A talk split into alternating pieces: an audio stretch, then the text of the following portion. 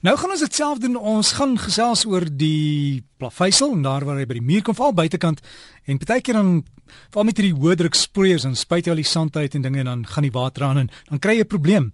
Maar ek weet Piet het ook laasweek 'n paar navrae gehad oor die mikrogolfone. So kom ons hoor by hom Piet van der Walt, ons verf en hardeware kenner van die Paint Emporium in Blackheath Johannesburg. Hallo Piet. Hallo Derek, goeiemôre luisteraars.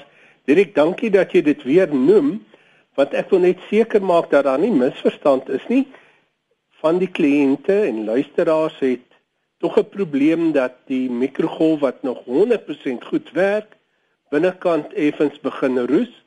En net weer seker maak dat 'n mens dit goed met 'n fyn skuurpapier die roes afskuur iets soos 100 of 400 grein skuurpapier dit dan skoon vee. Is natuurlik altyd belangrik om dit ontvet met iets so suikerseep mooi uit te was goed uit te spoel en dit dan moet 'n mens eers 'n ets grondlaag. Dis gewoonlik in die handel sê dit etch primer, dis so 'n donker rooi bruin of 'n grys van kleur aanspuit en daarna die gewone spuitblikkie spuitverf. Maar Derek, as jy dan nou 'n konveksie oond het of 'n gewone oond het, kan 'n mens natuurlik nie hierdie normale of die gewone spuitverf gebruik nie, want dit gaan brand en daar moet jy seker maak dat jy die hoë temperatuur spuitverf koop. Dit staan in die handel gewoonlik bekend as ultra heat, ultra high temperature uh, en seker maak dat dit hier by 400 na 600 grade kan hanteer voordat 'n mens dan daardie oond uh takel. Derek, ja, jy het gepraat van die die water wat tussen die plaveisel en die muur in beweeg. En meeste van hierdie vogprobleme kan 'n mens of oplos of verminder deur seker te maak dat jou dreineringsstelsel goed is. En die basiese ding is dat water moet wegloop van die fondasies. Met ander woorde, jou plaveisel moet 'n val, 'n helling hê weg van die huis af en daarvandaan af moet die water goed kan wegvoer heeltemal in die straat in of waar jy dit ook al kan kanaliseer. Nou hierdie gaping tussen die plaveisel en die muur is van amper niks tot regtig so dik dat 'n mens jou duim daar kan indruk. En soos jy tereg gesê het, veral as 'n mens nou gereeld skoon spuit en veral met hierdie hoë druk spuite, dan spuit jy daai breifel eintlik uit en as dit reën, versamel die water daar, bly lank daar, beweeg dan in die muur op en jy kan skade kry met jou verf. Of dit kan selfs net in die pleister of die klinkerstene of die suurstene opbeweeg en dan kry mens later oor tyd dat dit selfs aan die buitekant sigbaar is met hierdie wit merke. Derik hierdie wit merke is eintlik maar soutte wat uit hierdie substraat uitslaan en ek uh, glo natuurlik daarin as 'n mens enigsins sulke wit merke op jou muur raak sien, dit is maar sout en ons weet wat doen sout. Sout trek meer water aan.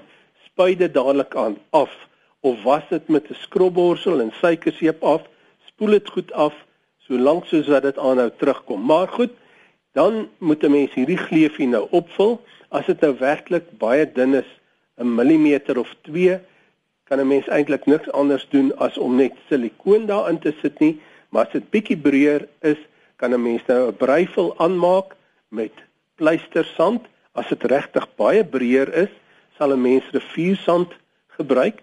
Riviersand is effens grower as pleistersand en daarom gee hy vir jou ook 'n harder substraat. Maar 'n mens moet dit met 'n goeie sterk oplossing van goeie sement, sement wat nie verslaan het nie. Sement moet maar nie te oud word nie wanneer 'n mens dit gebruik. En ek glo nog steeds daaraan om altyd maar hierdie plaastertjie iets soos alkaline se permoplaster of so iets by hierdie sandmengsel wat jy aanmaak daarin te werk. En wat vir my baie goed werk is dat 'n mens die muur en die plaveisel sommer met so breë stuk maskeerband eh, toemaak en dit dan met 'n troffel baie mooi inwerk en netjies afwerk. Want Derek jy weet self baie van die mense wat die plaveisel maar professioneel doen hulle kom en hulle strooi net 'n mengsel van sand en sement bo op die plaveisel dan vee hulle dit in en spat dit nat. Nou dit werk maar veral op sulke breë stukke en as 'n mens daarna dan nou gereeld was, hou dit eenvoudig net nie en vir daardie rede hou ek daarvan dat 'n mens jou pleistermengsel aanmaak met 'n bietjie waterbasis gom nog en dit mooi stewig inwerk. Dit moet redelik diep gaan ten minste so 10 mm as 'n mens dit so diep kan insit, netjies afwerk, laat droog word. As daar 'n bietjie oorspat is, is daar produkte wat 'n mens hierdie sementresidu kan afwas en dan is dit baie netjies en sal baie lank hou. En Piet baie keer kry mense die bossies wat mos so hier en daar tussen die daai stene groei. Ek ek sien een van hierdie eystersaag lemme wat jy met 'n lap vashou, maak lekker skoon, maar ook kookwater, né? Kookwater, ek hou baie van die kookwater idee, want is veilig. Ja, mense gebruik so 'n bietjie energie, bietjie krag, maar dit werk baie goed en dit maak die bossie dood tot in sy wortel. Want baie keer is 'n mens die ys agterna moet jy maar nog steeds met jou eystersaag lemmetjie of daai ger stukkie gereedskap wat jy vir jouself gemaak het of gekoop het uithaal, maar die groot voordeel van koor kookwater is dat hy hom regtig tot in die wortel doodmaak. Waar kry mense julle pet? Ons is op die hoek van Beyersnodde en Pendoringweg in Blackie, Johannesburg. Dis die skuins oorkant Cresta verkoopsentrum.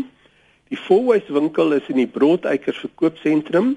Dis in Broodeikers uh Fourways uh, Cedarweg en dan al die besonderhede is op die web by